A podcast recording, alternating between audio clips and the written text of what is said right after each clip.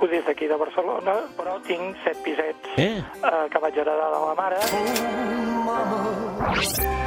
Eh, Set pisos? En el barri de Poble Sec, concretament. No, no puc opinar. Clar, set pisets, no sé si es considera petit propietari, però em sembla una petita gran fortuna, si m'ho deixes dir així. 61.500. Amb el... Jo tampoc eh, no considero tampoc... A veure, no, no és una gran fortuna, Por favor, home, per l'amor de Déu. Penalitza l'especulació. Si deixa la política, es dedicarà a, a fer la tesi doctoral i a la docència? I de què viuré, de què menjaré. No en tindria prou. Jo sóc una bona persona i ho sap tothom. La setmana tràgica.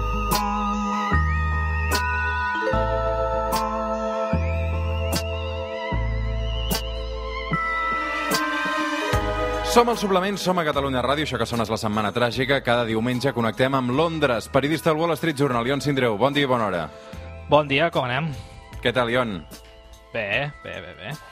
I encara al País Valencià, Toni Rodon, doctor europeu en Ciències Polítiques, investigador a la London School of Economics, també professor de la UPF. Què tal, Toni? Bon dia i bona hora, com estem? Molt bé, i tu? Bé, bé, una mica uh, mirant el compte corrent i el, el, els zeros que hi ha després del Black Friday, eh?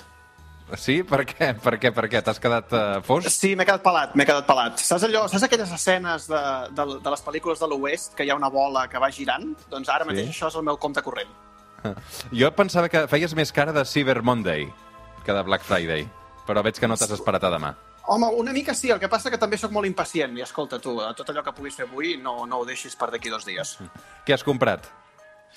Bé, clar, no, ara no posaré dir marques, eh, però una mica de tot, eh? Des de roba, eh, coses electròniques, eh, coses per la casa, una mica de tot.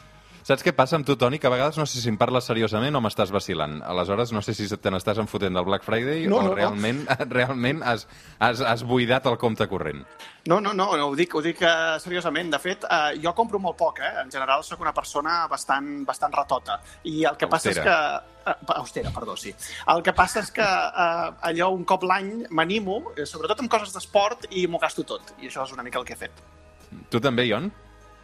Coses d'esport? Puf. No, coses d'esport coses d'esport ja sé que no. No, jo, jo en el seu dia sí, eh? Tenia una mica aquesta tendència a, a acumular i llavors gastar-m'ho gastar tot. Jo m'ho gastava bastant amb, amb instruments musicals, um, però ara que sóc una persona seriosa uh, he moderat. Uh, tam també perquè els pisos a Londres són més petits i hi ha límit a la quantitat d'instruments que pots acumular. Sempre és una bona inversió, per això gastar-t'ho en música. Eh, De seguida anirem a tot això del Black Friday i del, del Cyber Monday, però ja que també parlàvem de, de números i de despesa, eh, segurament qui no han pogut fer gaire despesa aquests dies de Black Friday són els accionistes del, del Banc Sabadell que han vist com, després d'un petit miratge per l'especulació d'aquesta possible fusió amb el BBVA, eh, finalment les accions han tornat eh, allà on eren, que és sota terra. Um, Sí, sí. I Ion, aprofitant que ets aquí, et volia preguntar, eh, res, només un flash sobre això, eh, sembla que aquesta fusió de moment està descartada i no sé si això és una bona notícia o una mala notícia. En qualsevol cas, eh, tu quines conclusions en treus de totes aquestes especulacions amb, i finalment aquesta negociació fallida? Bé, aquestes coses jo crec que mai són uh, bones ni, ni dolentes. Crec que a vegades hi ha una mica massa d'anàlisi, no?, De- d'intentar vendre doncs, una opinió molt ferma de oh, això és horrorós o això és boníssim.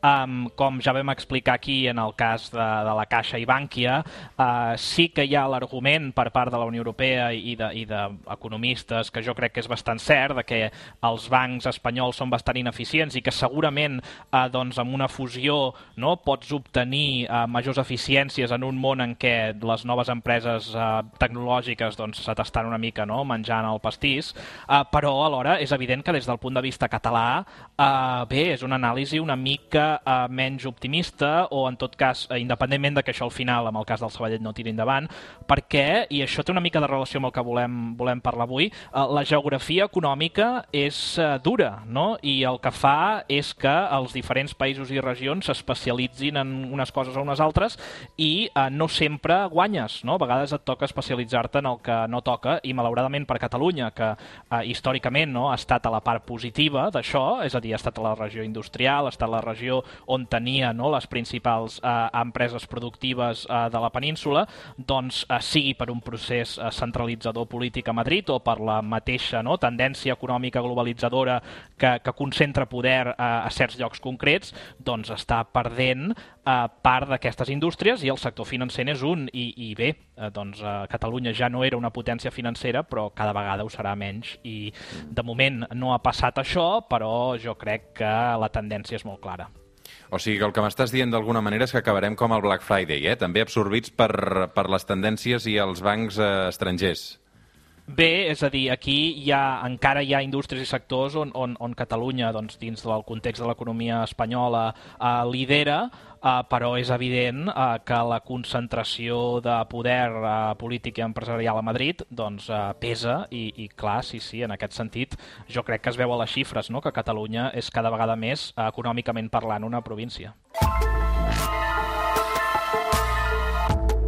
Déu nhi uh, quina estrena avui del Lion Sindreu en aquesta setmana tràgica, on parlem també, sobretot, d'aquesta hegemonia cultural dels Estats Units marcada per aquests dies de compres, bàsicament. Uh, perquè Uh, el que està passant, uh, d'alguna manera, és que veiem com ha penetrat a casa nostra aquest Black Friday, també aquest Cyber Monday.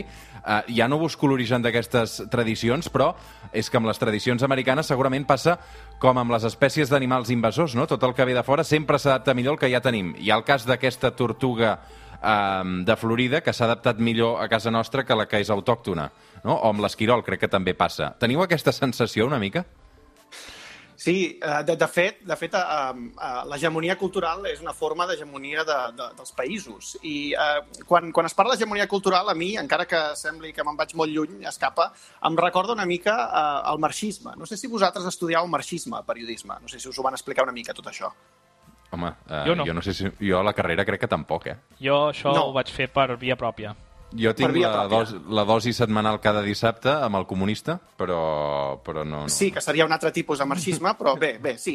Bé, en tot cas, eh, Marx, eh, recordem que una de les seves prediccions, ell deia que eh, això de la revolució socialista, o en tot cas la revolució comunista posterior, es produiria, era com una cosa automàtica que s'havia de produir, no? Perquè tenies molts obrers a molts països diferents i en cert moment, doncs, com que la gent vivia molt malament, estava molt malament, tenia una precarietat econòmica molt important, el que faria és eh, revolucionar-se contra l'Estat i, eh, i eh, tenir un nou ordre, un nou ordre socialista. I això, com, com bé sabeu, no va passar. I per què no va passar? Doncs aquí Gramsci, que per mi és un dels grans estudiosos de, de, del segle XX, ho diu, perquè essencialment les classes dominants tenien el que se'n diu l'hegemonia cultural. I una mica això què vol dir? Doncs l'hegemonia cultural és una mena d'hegemonia eh, eh, eh, tova, d'una hegemonia transversal. De, és la capacitat de, des del poder d'establir una mena de normes, de creences, de valors que s'impregnen a la societat i el que fan és dominar-te, entre, cometes, entre cometes, sense que eh, tu doncs, te n'adonis. No?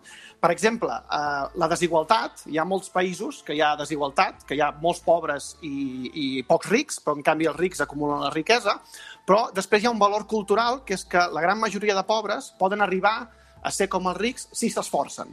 Aquesta idea d'esforçar-se i de que si tu pots eh, uh, o si tu vols, pots, això és una, una idea cultural. Uh, I a partir d'aquesta idea cultural, doncs, el que fas és que una situació de partida, que en principi és dolenta, la sobrepasses. I lligat això amb els països, doncs una mica seria el mateix. Els països no només intenten dominar o tenir poder a la resta del món via enviant tancs o enviant exèrcits, etc, que seria molt costós, sinó que el que fan és uh, fer valer doncs, certes cultures, certs valors eh, arreu del món que els permet indirectament doncs, tenir beneficis econòmics, polítics i en el fons de poder també. I això és una mica el que està passant amb el, amb el Black Friday i el, i el Cyber Monday. Ion. Sí, eh, jo afegiria amb això que diu el Toni, eh, té raó que, que l'hegemonia cultural pot ser una alternativa a enviar els tancs, però crec que no hauríem d'oblidar que els tancs sempre hi són. Eh? És a dir, eh, el fet, els Estats Units eh, podrien doncs, eliminar-nos a cadascun de nosaltres o, o, a, o a qualsevol país si escollissin fer-ho. Eh, per tant, eh, jo crec que no és un cas de què ve primer si l'ou o la gallina, crec que tot, eh, diguem, eh, són cares no, de, de, una mica del mateix dau. Eh, I amb això em refereixo a l'hegemonia militar, l'hegemonia cultural, però també l'hegemonia econòmica i monetària eh, dels Estats Units. I el que és important, jo crec, d'explicar és que en la història de la civilització humana l'imperi és, és una forma molt comuna d'organització política i que ve normalment associada a la globalització. I si pensem en, en la primera gran onada globalitzadora, eh, la trobem eh, a l'antiga Roma, per exemple, no? fins la mort de l'imperi romà d'Occident al segle V després de Crist. I parlem d'una expansió de poder militar romà que també va acompanyat d'una uniformització cultural, eh, ja sigui a nivell de llengua i de cultura, però també d'un augment del comerç i aquest augment del comerç eh, permet la divisió del treball, no? És a dir, això de que un país o una regió s'especialitzi en una cosa o una altra, que és el que ara esmentàvem respecte al sistema financer o la seva manca a, a Catalunya. I, de fet, Sabem que quan les tropes romanes es van retirar de la Gran Bretanya al segle V, tota aquesta divisió del treball, tota aquesta sofisticació econòmica, per exemple, en, en, en la qualitat dels plats, dels gerros, tot això va caure. I és més, es va deixar de tenir un valor monetari comú. Um, per tant, això va una mica a onades. No? Uh, tenim una altra onada que ve amb l'imperi britànic uh, al segle XIX uh, i fins la Primera Guerra Mundial, que va créixer doncs, també amb una barreja de gràcies a la industrialització, però buscant mercats uh, no fora de, de, de fora d'Anglaterra, eh, sovint eh, barrejant els interessos militars i econòmics. Per exemple, amb la famosa East India Company, no? que era aquesta, aquesta primera multinacional eh, de la història de la humanitat que tenia el seu propi exèrcit i es dedicava a anaccionar-se països unilateralment, com per exemple eh, la Índia amb, el seu, amb el, les seves pròpies forces armades, i d'aquesta manera promocionar el comerç i alhora portar la llengua no? i l'hegemonia cultural eh, britànica a la resta del món i expandir l'anglès, que ara doncs, tots estem uh, havent d'aprendre a l'escola. Um, I el que estem ara simplement és en la tercera fase, no? Des de la caiguda de la Unió Soviètica, doncs estem en l'hegemonia militar americana. Toni, el pas que anem, no sé si et veus d'aquí eh, 10 o 15 o 20 anys farcint un gall d'indi amb els teus fills i trobant-ho la mar de normal. Ho dic perquè, a veure, això del Black Friday fa 10 anys no ens ho haguéssim cregut. De la mateixa manera que eh, fa 20 o 30 tampoc ens haguéssim cregut que celebraríem Halloween. No, no, tot, totalment. De fet, eh, jo recordo que fa, fa 10 anys, o quan era més, més jovenet, eh, jo això del Black Friday no, no, no sabia què era, i és una cosa que ha vingut de, de, de fa molt poc. Aquí, eh, la, la qüestió interessant, eh, en el cas europeu, com deia bé eh, en Joan ara mateix, és que eh, el continent europeu, de fet, e, és el territori de, de tot el món en el qual hi ha hagut menys imperis. És a dir, és el territori en el qual els imperis han triomfat menys. De fet, hi ha, hi ha un historiador que es diu Walter Schneidel, de la Universitat de Stanford, que diu que l'imperi romà va ser més aviat una excepció i no pas, i no pas la norma. No? I ara, en certa manera, tampoc tenim un imperi eh, geogràfic, físic o institucional, per dir-ho d'alguna manera, és a dir, els americans no ens estan governant eh, sobre nostra de forma directa, de forma indirecta ja en podríem parlar d'una altra manera, però sí que la seva influència probablement es nota més que en altres, la, en altres períodes per culpa de, de la globalització. No? De fet, un dels casos, o com a exemples, en poden posar molts, però un dels que a mi em fa més gràcia és el tema de, de l'idioma. Quan marxi el Regne Unit de, de la Unió Europea, l'anglès serà només oficial als països d'Irlanda i de Malta, que en termes territorials són dos països eh, molt, molt petits i en termes de PIB també. Ara bé, malgrat tot, eh, tot i això, eh, l'anglès seguirà sent una, un idioma de, de funcionament a la Unió Europea i és precisament per això, per aquesta hegemonia cultural del món anglosaxó, dels Estats Units sobretot, però del món anglosaxó, que té cap a la resta de països i que s'ha imposat no de forma militar, eh, o tan directament militar, sinó a través de, de vies indirectes i que ara mateix estem en una posició que és molt difícil de, de treure'ns el de sobre. I a més Aleshores... a Irlanda i, i a Malta tampoc és l'idioma propi, no? Vull dir, va venir imposat de fora. Si ara que ve Nadal, si ara que ve Nadal el cunyat eh, ens diu que té més futur apuntar els fills a, a xinès mandarí que no pas anglès, eh, no cal que entrem a, al tall en el debat, no, aquí? Vull dir que no cal No, que no, però, cas. però escolta, escapa, és que precisament d'això es tracta, eh? És a dir, quan parlem de totes aquestes noves tensions no? eh, que estem tenint a nivell eh, geopolític, estem parlant d'això, no? Des de la, la Unió Soviètica, doncs el poder imperial americà no ha estat amenaçat eh, i ara eh, torna a estar amenaçat, no? Eh, i, o com a mínim potencialment amenaçat. I això el que cal adonar-se és que totes aquestes coordenades eh, doncs són eh, part de la mateixa història. Eh, ja sigui el fet de que, per exemple, uh, si... Tu, Escapa, això és una pregunta que et vull fer. Tu, quan uh, inverteixes els estalvis, uh, on, on geogràficament del món, on els poses? No, jo és que no... no o sigui, el tema de les inversions és un capítol que no... No. No, no, jo només un compte d'estalvi i tot allà. No vull que Compte juguin allò... No, no, és que Doncs- tot el tema de... Ho passo fatal. Aquells que, que, que, doncs que no, tingueu una mica més d'interès uh, que l'escapa... O de eh, diners, no? Segurament, també. Vull dir, perquè al No, final jo també va en assumeixo que funció... tu, que tu el no, teu doncs, èxit doncs, professional... Eh, sí, doncs, doncs no vagis per aquí perquè no, no pensis, eh? si us interessa eh, saber eh, la gran diferència que hauríeu tingut si haguéssiu invertit els diners eh, a Europa eh, versus als Estats Units en els darrers 20 anys, posem, això és una opció que la majoria Sí. de nosaltres tenim. Eh, a Europa, eh, en part per culpa de la crisi del Covid, però no sobretot per la crisi del Covid, us hagués retornat un 7% eh, uh, en els darrers uh, 20 anys. Només haguéssiu... Després hi ha, hi ha, hi ha dividends, interessos, però el, el, el que seria les borses han pujat un 7%. Uh, els Estats Units han pujat un 177%. Carai. Um, per doncs què ara és sí que potser m'ho penso, eh? No, clar, per què és això? No, no, és que t'hauries de pensar. I, I per què és això? És perquè als Estats Units eh, les borses estan eh, plenes no, d'accions d'empreses tecnològiques. I les empreses tecnològiques són les que han pres el lideratge del món en el segle XXI. Això és precisament el que dic, la divisió del treball. No? És a dir, l'hegemon eh, cultural també és un hegemon militar i també econòmic perquè es dedica a fer les activitats de major productivitat i ens deixa la resta les de menor productivitat.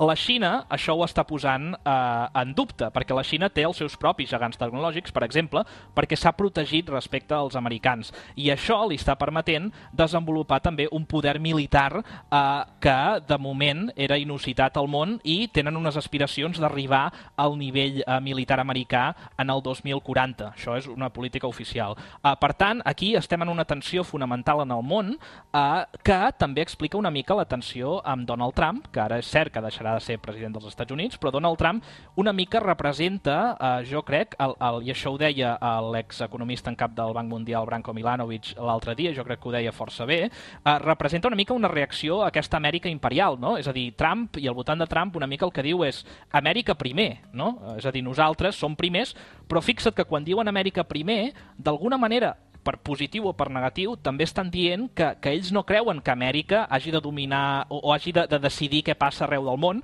sinó que ells volen ser els primers i que, per tant, a tu ja et fotran, però, per altra banda, eh, també tenen menys aspiracions de dir-te què has de fer o què no has de fer. No? És una mica un, un cert canvi d'actitud i encara no està clar eh, doncs, quin serà el rol dels Estats Units en aquest nou món. Toni. En tot cas, sí, en tot cas hi ha escletxes, eh, escapa. És a dir, um, aviam, aquí hi ha dues coses. Per exemple, si el teu cunyat et pregunta si, si ha d'aprendre anglès o, o xinès, um, en el cas de l'estat espanyol, uh, la resposta clara, uh, bé, primer que faci el que vulgui, evidentment, però la segona, la recomanació seria que aprengués anglès. Uh, a Espanya, el nivell d'anglès, segons dades del 2019, és, és encara molt baix, de 35 països de... Perdó, de 33 països de la Unió Europea eh, o de la zona europea se situa en 25a, població, en 25a posició. Eh, no ha millorat gaire el nivell des de, des de fa 10 anys, amb alguna escletxa d'esperança que són eh, els joves, que cada vegada el parlen, el parlen millor.